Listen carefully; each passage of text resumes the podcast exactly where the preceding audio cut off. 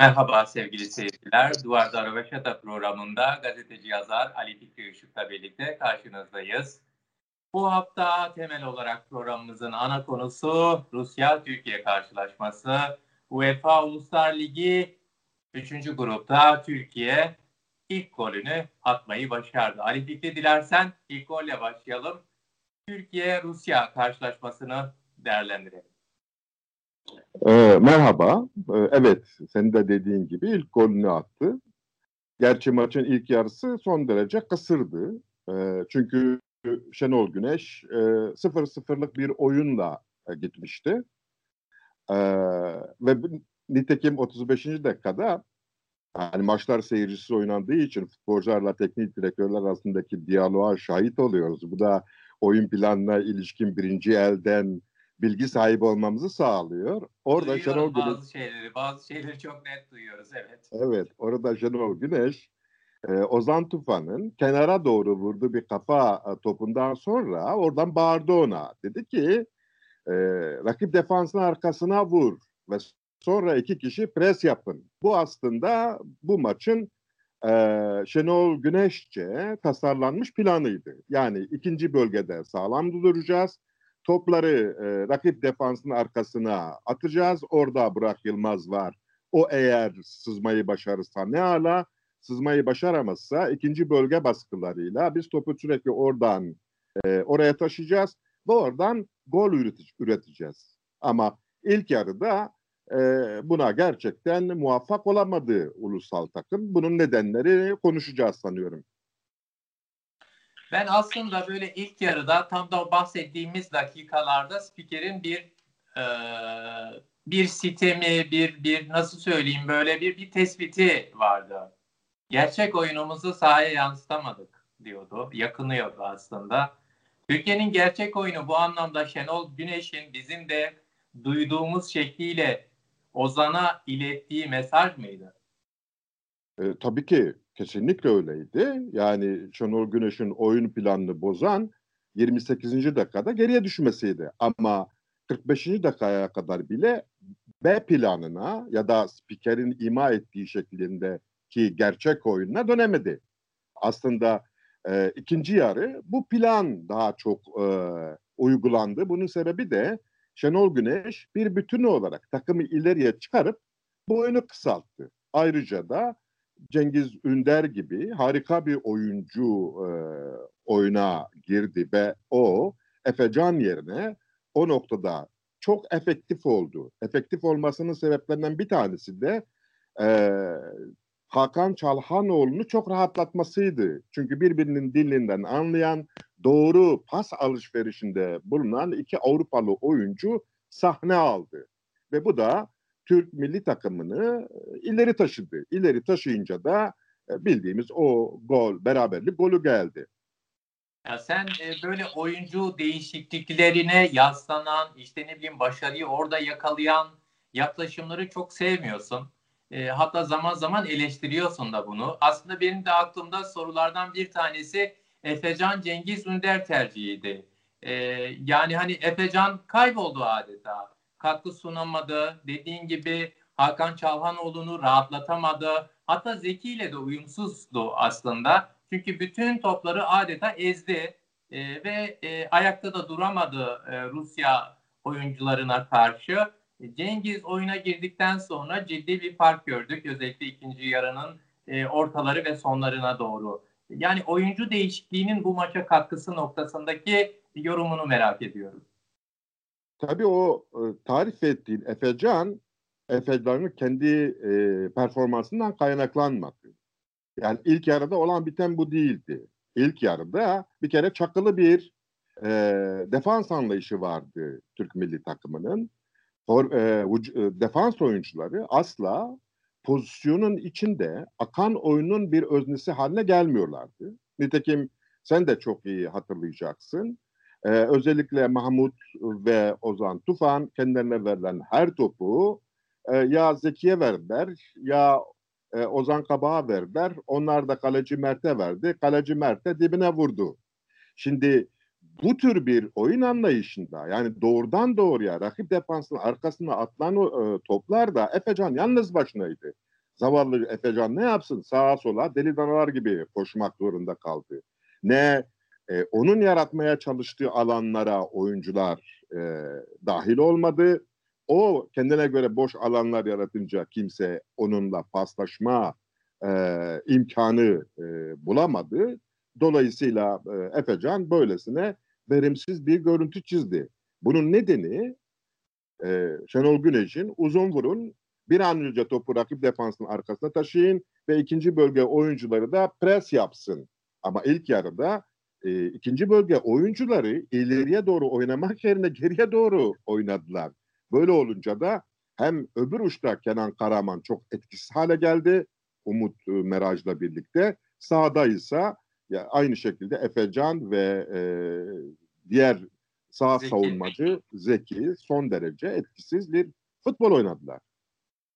Peki defans bloku için e, sormak istiyorum. Yani hani e, Ozan Kabak, Melih e, ikilisi vardı. Çağlar yoktu. O son e, hazırlık çalışmalarında öyle sanıyorum e, bir e, sakatlık gibi. Yani dinlendirildi o Çağlar.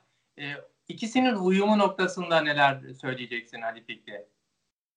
Şimdi doğrusunu söylemek gerekirse e, bu maçta e, birkaç nedenden ötürü e, uyum var mı yok mu bunu test edemedik.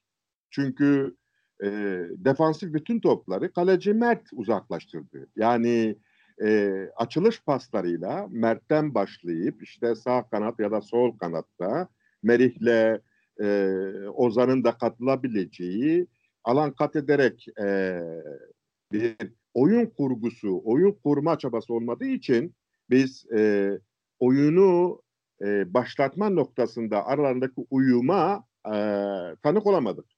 İkincisi ise top rakibe geçtiğinde Merih zaten rakip takımın pivot santroforunu tutmakla görevlendirilmişti. Onunla boğuşuyordu. Seken topları Ozan toplamaya çalışıyordu. E, bunda da çok etkili olduklarını söyleyemeyiz. Peki iki eski kaleci yani Şenol Güneş Türkiye milli takımını çalıştırıyor. Stanislav Cherchesov Rusya milli takımının başında. İki antrenörün oyun sistemi, oyun anlayışı noktasında yani ilk yarı Rusya belki Şenol Güneş'in tercihinden dolayı daha aktifti, daha efektifti, daha etkili göründü. İkinci yarı e, demin tespitinle Türkiye milli takımı daha etkili bir oyun anlayışı ortaya koydu. E, iki kalecinin bu noktadaki oyun anlayışını, oyun sistemini nasıl değerlendirirsin? Önümüzde çünkü grupta Türkiye e, henüz iki puanda, e, iki beraberlik. E, önümüzde e, neler olur? Önümüzdeki maçlarda Türkiye'nin durumu, Rusya'nın durumu. Valla bu maçta iki takımda, iki takımın teknik direktörü de son derece vasattılar. Son derece düz planlarla e, maça başladılar. Nitekim ilk yarı Rusya e, merkez santrforunu topla buluşturmak amacıyla e, ikinci bölgeyi zaten hiç kullanmadı. Bütün topları kanatlara taşıyıp oradan o merkez santrforuna final vuruşu yaptırmaya çalıştı. Nitekim bundan bir gol de e, ürettiler. Buldu, evet, gol evet e, bu, bu, gol buldular. E, aynı şeyi bu kere e, ikinci yarıda Türk milli takımı yapmaya çalıştı. E, bence bu Rusya'dan ve bence e, bu Türkiye'den e, bir şey beklememiz için elimizde e, çok mantıklı sebeplerimiz yok. E, özgün bir oyun planları yok. Yani bölge geçişleri, savunmadan hücuma geçiş, hücumdan savunmaya geçiş, alan üretme, e, alan katletmeye dönük e, planlamalar yok. Türkiye bildik yine beceri oyununa hala endeksli. Nitekim Cengiz'in oyuna girmesiyle birlikte oyunun belli ölçülerde rengi değişti. Oysa e, ilk yarıda Cengiz'in ikinci yarıda yaptığı işleri Efecan ve birkaç kişiyi görevlendirerek de yapabilirdiniz. Efecan bu işleri Alanya Spor'da yapıyor da niye milli takımda a, yapmasın? Bu bunlar e, oyuncu performanslarıyla ilgili şeyler değil, teknik direktörlerin oyun planlarıyla ilgili şeylerdir. Ben ne bu Rusya'nın ne bu Türkiye'nin e, bu turnuvada e, çok şey yapabileceklerine inanmıyorum. Peki Şenol Güneş ne yapmalı sence? Yani hani önümüzdeki maçta işte Rusya ile Türkiye'de oynanacak maç var. Sırbistan maçı, Macaristan maçı. Neler yapması gerekir? Ne, ne öneriyorsun? Senin bu noktada düşüncelerin neler Ali Fikri? Şimdi Şenol Güneş'in e, geçen sene Fransa maçında ortaya koyduğu bir bas boz oyunu var. Yani pres oyunu var. Bu pres oyununu e, takımına monte etmelidir. Yani stratejik olarak ister içeride ister dışarıda defansif bir stratejiyle oynamalıdır. Eğer puan almak istiyorsa. Ve bunun içine e, bence Burak Yılmaz'ın dışında daha hızlı e, hücumcuları bu oyuna monte etmelidir. Çünkü defansif bir takımda e, Burak çok lüks kalır. Burak çok yaşlandı. Burak çok hareketsiz. Burak e, sadece kendisine atılan toplarla buluşma e, düşüncesinde ve e, geriye doğru da gelip oyuna da katılmıyor.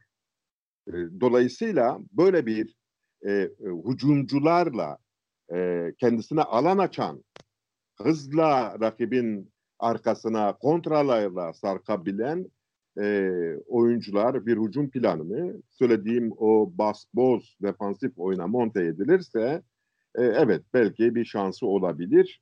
E, zaten Türkiye bu süreçleri yaşamak zorunda. Çünkü Türkiye defans yapmayı bilmiyor. Defans yapmayı bilmediğiniz zaman siz istikrar içinde hücum edemezsiniz. Defansif sorunlar çözülmeyince kapılan kap, kapılan her top tehlikeye dönüşür. Hele Rusya'nın dışında başka bir rakip olmuş olsaydı bugün e, çok başka bir şeyler konuşurduk.